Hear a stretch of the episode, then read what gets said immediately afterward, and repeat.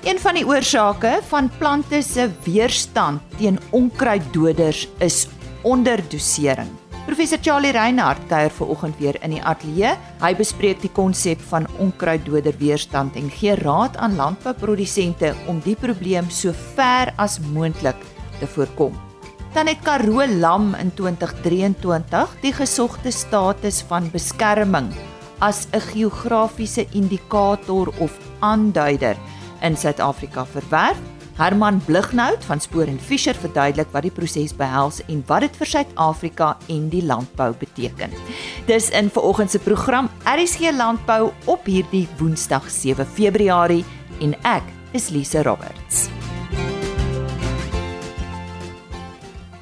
Ons kry vandag meer duidelikheid oor die konsep van onkruidweerstand teen onkruiddoders. Ons hoor dit gereeld veral in landbou en uh, ek dink ons chemiese maatskappye sit al met hulle hande en hulle hare hieroor om weer vir ons uh, meer duidelikheid hieroor te gee professor Charlie Reinhardt hy is 'n uh, professor in onkruidwetenskap by die Noordwes Universiteit en by die Universiteit van Pretoria. Welkom weer eens Charlie. Miskien kan jy nou vir ons baie mooi verduidelik hoe werk dit? Ja. En ek dink die beste plek om te begin is om vir mense te herinner aan die meer bekende vorm van weerstand waarmee mense onblootgestel is. En dit is weerstand van bakterieë teen antibiotika. En uh dis al lank met ons, baie langer as wat onkruidweerstand teen onkruiddoders met ons is. Maar die beginsels is presies dieselfde. As jy nie die dosis behoorlik nakom nie of oorafhanklik raak op net een soort antibiotika, dan gaan daar weerstand ontstaan. Dit is hoekom uh, dokters met hulle voorskrifte aandringe op dat jy die die dosis voltooi. Jy jy moet die voorskrif nakom en al die pille gebruik. As jy ophou ergens in die middel byvoorbeeld nie al jou pille gereeld gebruik nie dan onderdoseer jy en dit is een manier waarop weerstand bevorm bevorder ook by plante. Ook by plante. Ook teen onkruiddoders. Presies dieselfde meganisme. En afwisseling van die tipe antibiotika wat jy gebruik is ook belangrik.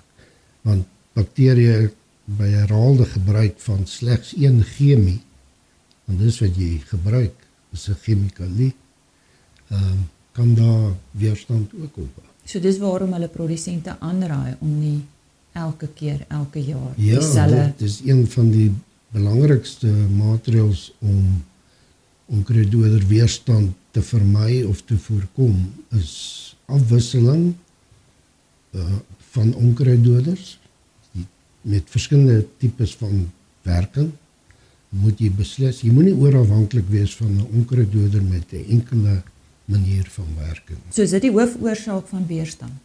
Ja. ja. Is En natuurlik onderdosering. Onderdosering en ek uh daar's twee maniere om onderdosering jou in onderdosering vas te loop. Die een is waar jy probeer geld spaar Die etiket van die onkruiddoder sê jy moet 2 liter per hektaar gebruik. Jy probeer geld spaar, jy gebruik 1 liter per hektaar. Nou onderdoseer jy. En 'n ander vorm van onderdosering wat ek bewus van geraak het in my navorsing is wanneer jy die onkruiddoder toedien wanneer die plante te groot is om effektief beheer te word. Ek noem dit onbedoelde onderdosering. Want in 'n groot plant word die onkruiddoder wat jy toedien, onthou jy dien 2 liter per hektaar die geregistreerde dosis dien jy toe, maar dit is veronderstel om op plantjies te wees wat 4 tot 6 cm groot is of 4 tot 6 blare. Dit staan op die etiket. Dis die ideale grootte. Nou dien jy dit toe op 'n plant wat 20 blare het of 20 cm groot is. Nou vind daar verdunning plaas want dit is dieselfde dosis. En ons weet mos jonger plante, jonger organismes, enige iets wat jonger is, uh is gewoonlik meer gevoelig. En selfe beginsel weer. Uh so die onkruiddoder dosis bly dieselfde. Die klein plantjies word effektief beheer, maar die groter plante word dalk beskadig maar hulle oorleef. En as jy dit aan mekaar doen, dan bevorder jy weerstand. Uh, van daardie plante wat oorleef raak aangepas by die onkruiddoder oor tyd. En uh, ons kan nou nou oor die meganismes betrokke praat. Uh, en hulle produseer saad. So jy sit naderhand met plante wat weerstand het. So ek hoor by jou lees jou etiket en as daar 'n adviseer ja, by jou chemiese gewas adviseer by jou draai maak luister maar wat hulle sê. Hulle ja, onderstel om te weet. Ja, die etiket is belangriker as wat mense dink want dis eintlik wetlik gesproke is dit 'n kontrak. Dis 'n wetlike kontrak tussen die registrasiehouer van die produk uh, wat die etiket inligting ontwikkel het en daar stel en die gebruiker. En afwyking van een of ander entiteit of dit nou die gewasprodusent is of sy adviseur afwyking van daai uh, etiket is eintlik 'n oortreding van die wet. Ons wet 36 van 1947 word dit beheer. En daar sekere vervaldatum ook betrokke, né? Ja. So iets kan oud word. Ja. Ja, uh, in, in die algemeen uh, verontagsaam te veel mense die etiket inligting uh doelbewus of onbewus uh, miskien bestaan daar nie genoeg kennis oor die interpretasie van die etiket en so voort. Charlie, jy het vroeër genoem jy wil so 'n bietjie praat oor die meganismes waarna jy verwys. Ja, daar's basies twee hoofmeganismes uh, waarop onkruidweerstand teen onkruiddoders uh ontwikkel. Uh die een is waar 'n onkruiddoder 'n baie spesifieke setel van aksie het in 'n plant soos 'n baie spesifieke ensiem wat geïnhibeer word kom ons noem glifosaat onkruiddoder daar's 'n enkele ensiem in alle plante wat deur glifosaat kom ons sê aangeval geneutraliseer word sogenaamde EPSPS afkorting van 'n lang naam En dis al manier hoe glifosaatplante affekteer. Is hy gaan na daardie ensiem toe, hy verbind met daardie ensiem en die ensiem kan nie sy werk behoorlik meer doen nie.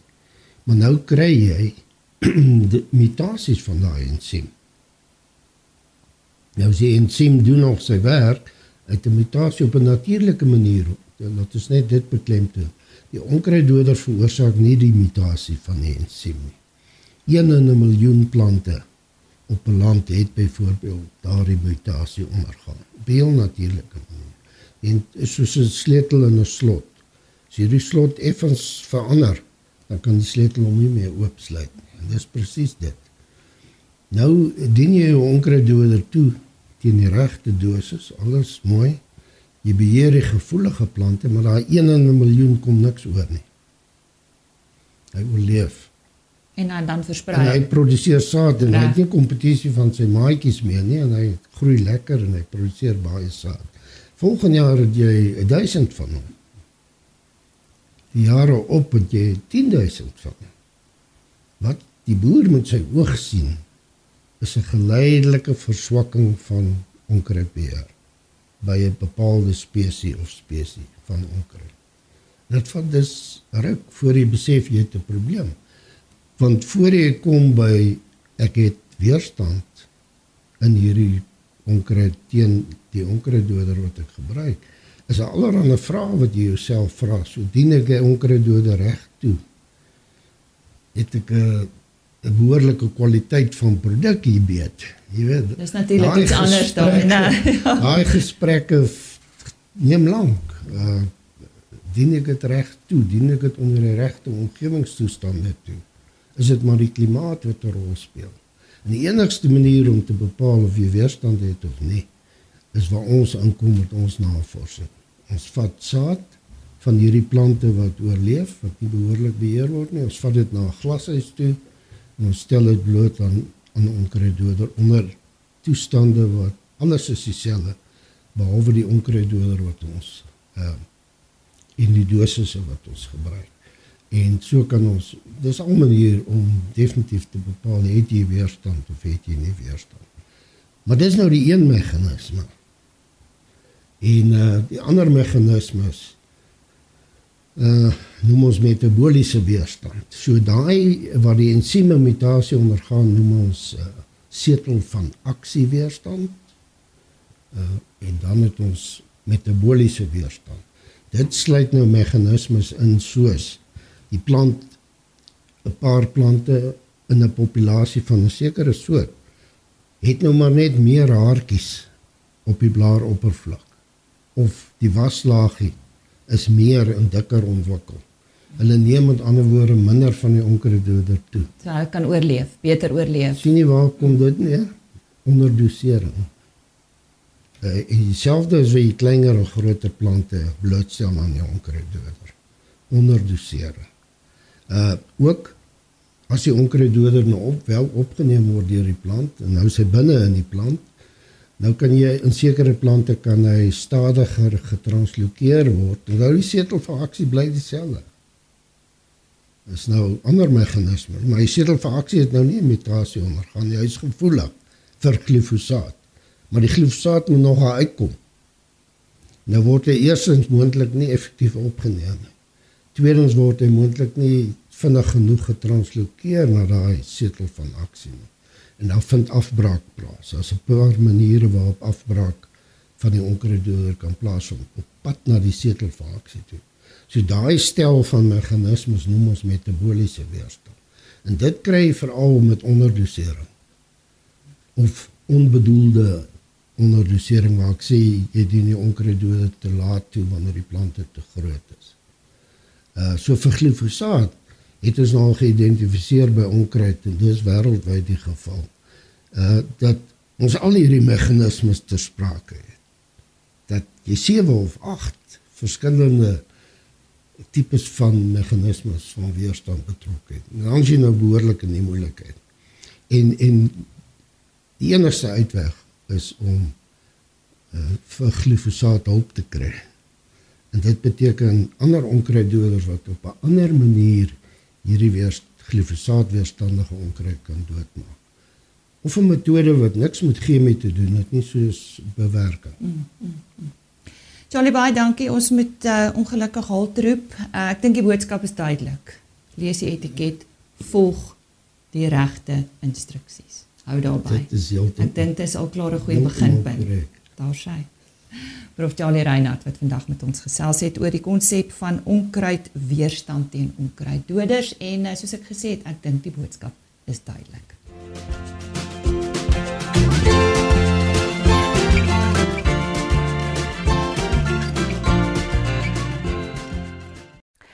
2023 het Karoo Lam die gesogte status van beskerming as 'n geografiese indikator of GI in Suid-Afrika verwerf. Ons verwelkom graag vir Herman Blighnout van Spoor en Fisher om ons uh, meer te vertel van hierdie proses wat dit behels en hoe belangrik dit vir Suid-Afrika en natuurlik vir landbou ook is. Herman, dankie dat jy vandag by ons aansluit. Wat presies is 'n geografiese indikator? Dankie vir die geleentheid. Ja, eerstens 'n geografiese indikator of 'n of 'n geografiese aanwysing uh is 'n naam wat 'n landbouproduk identifiseer uh as komend vanuit 'n spesifieke geografiese area ligging en dat die landbouproduk wat so geïdentifiseer word spesifieke essensiële eienskappe het wat voorkom of bestaan vanuit die ligging van waar dit kom. Ehm um, ek weet ons gaan 'n paar voorbeelde voorbeelde bespreek, maar ehm um, dit is basies wat dit is as identifiserend van 'n landbouproduk en laat die geografiese omgewing die eienskappe aan die spesifieke produk gee. Nou ons praat van geografiese indikator wat nou so bietjie Engels is en dis GI maar in Engels is dit geographic indicator. Dis waar die GI vandaan kom. Is ons reg daar sê. Goed. Um, gee vir ons 'n paar voorbeelde soos jy uh nou gesê het jy gaan doen en is daar um ook ander Suid-Afrikaanse produkte waar dit van toepassing is? So dit is eintlik 'n 'n trend as ek dit so mag stel wat oor die wêreld begin posvat het oor afgelope jare en ek dink die bekendstes waarskynlik vir ons sal oorseese waarskynlik Franse name wees wat 'n bekende klokkie sal lei. Ehm um, vanuit die Suid-Afrikaanse konteks dink ek is waarskynlik uh, een van die besbekendes rooibos tee. Uh daar is ook die honeybush tea, maar dan as jy praat van oorseese voorbeelde uh, wat wêreldwyd bekend sal wees, dit maar champagne, die vonkelwyn wat ons ken wat wat uh, vanuit die Champagne distrik in Frankryk kom. Uh iets soos cognac wat ook uh, die bekende brandewyn is, as ek dit so mag stel, maar cognac wat van van uit die omgewing Brie vir kaas, Parma vir ham, Parmesan vir kaas, uh port vir gefortifiseerde wyn. So daarso is 'n klomp van hierdie voorbeelde wat oor die wêreld uh, bestaan. Nou dit klink vir my asof dit gaan oor beskerming. So hoekom is dit so belangrik? Die beskerming ek dink wat daar bestaan is is uh, belangrik hoofsaaklik vir twee redes. En en ek dink dit is om 'n mate van erkenning te gee aan produsente wat in 'n spesifieke ligging of geografiese area hulle uh, produkte produseer wat daardie spesifieke reputasie vir kwaliteit vir ehm um, produkte met sekere eienskappe verwerf het oor tyd en dit is eerstens om aan daardie reputasie erkenning te gee en spesifikasies daar te stel waaraan die produkte moet voldoen om daardie reputasie te handhaaf en op voort te bou. So dit gee aan die produsente in daai omgewing hulle erkenning en eksklusiwiteit. Maar ek dink dan tweedens is daar ook soos wat ons telke male al teëgekom het opportunistiese produsente wat sal wil die indruk skep dat hulle produk 'n Karoo lam of 'n Champagne vonkelwyn is wat dan egter nie uit daardie spesifieke area kom nie wat dan misleidend kan wees wat hulle wil op daardie reputasie miskien mense verwar of 'n um, rad voor die oë draai uh waar hulle beweer dit mag so wees maar dit is dan egter nie. Vertel ons bietjie van Karoo lam se reis om die GI status te kry. So daar's ons 'n lang en 'n en 'n kleurvolle agtergrond en dit begin maar ek dink hoofsaaklik oor see met Suid-Afrika wat 'n party is tot vele multilaterale ooreenkomste en en ek dink dis waar dinge begin het is handelsooreenkomste tussen groeperings van lande om aan mekaar se GI's daardie erkenning te gee. Um, ons het byvoorbeeld 'n voorbeeld wat ek net nou die dag teëgekom het, um, het ek gesien op 'n bottel bekende soos ons tradisioneel dan sal dink port is die naam port verwyder van die bottel 'n hele paar jaar terug en vervang met gefortifiseerde wyn om aan dit daardie beskrywing te gee van wat dit is. Ehm um, champagne natuurlik ook. Ons mag nie na ons vonkelwyne as champagne verwys nie want dit is nie vanuit daardie area nie. Maar so het die lande uh onder mekaar begin ooreenkom dat hulle mekaar se se GI's sal respekteer. En ek dink dan om voldoende erkenning of beskerming plaaslike uh, regulasies in plek te sit, is dit in die lande se nasionale wetgewing vervat en begin inwerk uh om aan ooreenkomste wat nie noodwendig die reg is nie, maar dit in ons reg te inkorporeer. En so het um in terme van die wet op landbouprodukstandaarde is daar in 2019 regulasies geïmplementeer wat dit in beginsel moontlik gemaak het vir ons om aan spesifieke GI's daardie beskerming, daardie registrasie te verleen. En Karoo Lam is een so voorbeeld en in feite die die die eerste een wat daardie spesifieke registrasieproses deursien is. So dit beskerm ook die produsent in Suid-Afrika self dat 'n ander produsent uit 'n ander area in Suid-Afrika nie kan sê ek produseer Karoo lam nie. Dis een van die groot doelwitte. Ja, ja. Om aan ander mense wat daai naam wil gebruik en nie aan die spesifikasies voldoen nie, nie aan die geografiese area waar binne die produksie plaasvind ehm um, basies om mense te mislei om daardie misleiding te kan hokslaan, te kan stopsit. So wat moet 'n produsent doen wat van die Karoo afkom om te kan daai status te kan kry? Wat wat is in plek? Wat is die prosedure? Ja. So dit is uh, fascinerend en en ek dink jy weet dit is een van die regulasies wat baie mooi geskryf is en baie kortliks. Natuurlik eerstens moet jy praat van lam, moet skaapvleis wees. Jy kan nie beef vark enige dit is lamsvleis is 'n skaapvleis eerstens. Ehm um, en dan is die regulasies redelik duidelik en streng. Uh dit is uh, lam wat in die spesifieke Karoo omgewing en dit is gedefinieer in terme van die regulasie. Dis 'n area van omtrent 30 miljoen hektaar. 20 miljoen geskik vir veiding as jy nou dorpe, stede en dis meer uitsluit. Maar wat in die Karoo aangedui word, ehm um, wat in die Karoo gebore moes wees, groot geword het, uh en geslag is by een van die geakkrediteerde abattoirs wat ook in die Karoo omgewing moet wees.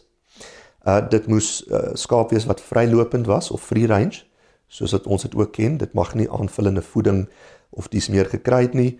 Daar is streng regulasies teen antibiotika en daai tipe van goed wat gegee is. So dit moet organiese, natuurlike vleis wees, nie wat uh aanvullende voeding en dis meer gekry het nie. En dan is daar so spesifikasies rondom die vleis self, die grootte gewig van karkasse, die ouderdom. Dit mag nie spesifieke skade aangelei uh, aan aan aan die karkas nie. So daar's so streng maatreëls waaraan die die die die traceability of die lyn van afkoms van van waar die vleis kom ook kan moet voldoen.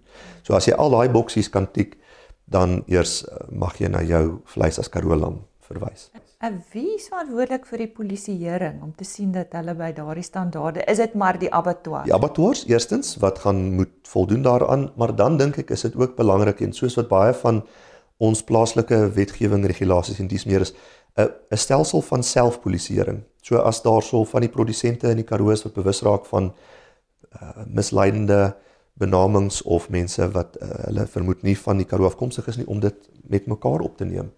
Ehm um, dit is 'n misdryf om iets Karoo lam te verwys as dit nie is nie.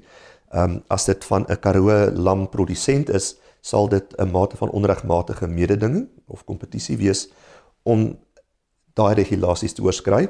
So ja, dit is abattoirs daarso sal van die departement van landbou natuurlik het jurisdiksie want dit is hulle wetgewing, maar dan ook selfpolisieering produsente van die vleis. So 'n uh, 'n produsent moet registreer om as 'n Karoo lam naam. Hy moet daai daai naam registreer. Wel, hulle kan dit nie as sulks op sigself registreer nie. Die registrasie is daar vir hulle om by baat te vind om as jy binne die maatreëls en die ehm um, perke van van die regulasie val en jy verloon nie vir jy voldoen aan die vereistes, dan mag jy daai naming gebruik. Ehm um, Herman baie dankie. Dit was nou vir baie vir my baie interessant. Net so laaste vraag, jy en ek is albei verbruikers. Ons weet vleis is duur en dit gaan duurder word.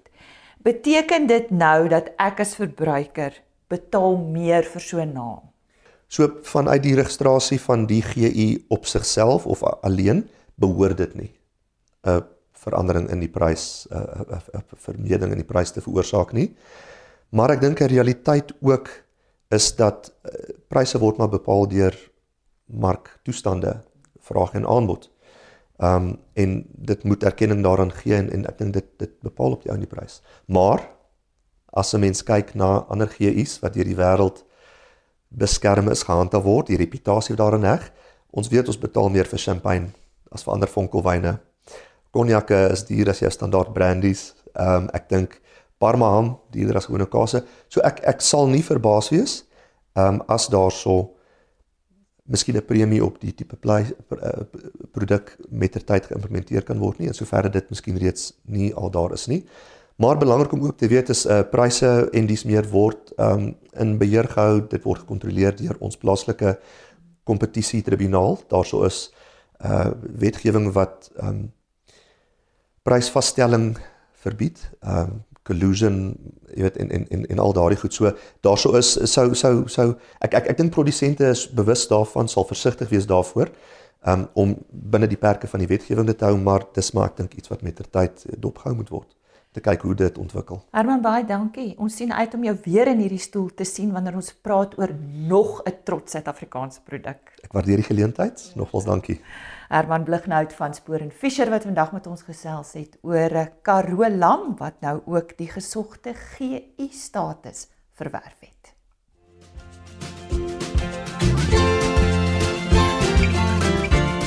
Dan RSC landbou vir vandag. Enige navrae? RSC landbou by plaasmedia.co.za. RSC landbou by plaasmedia.co.za vir die volledige program rsg.co.za kyk net op die RSG webtuiste. Jy kan ook gaan kyk vir die onderhoude by agriorbit.com tot môreoggend.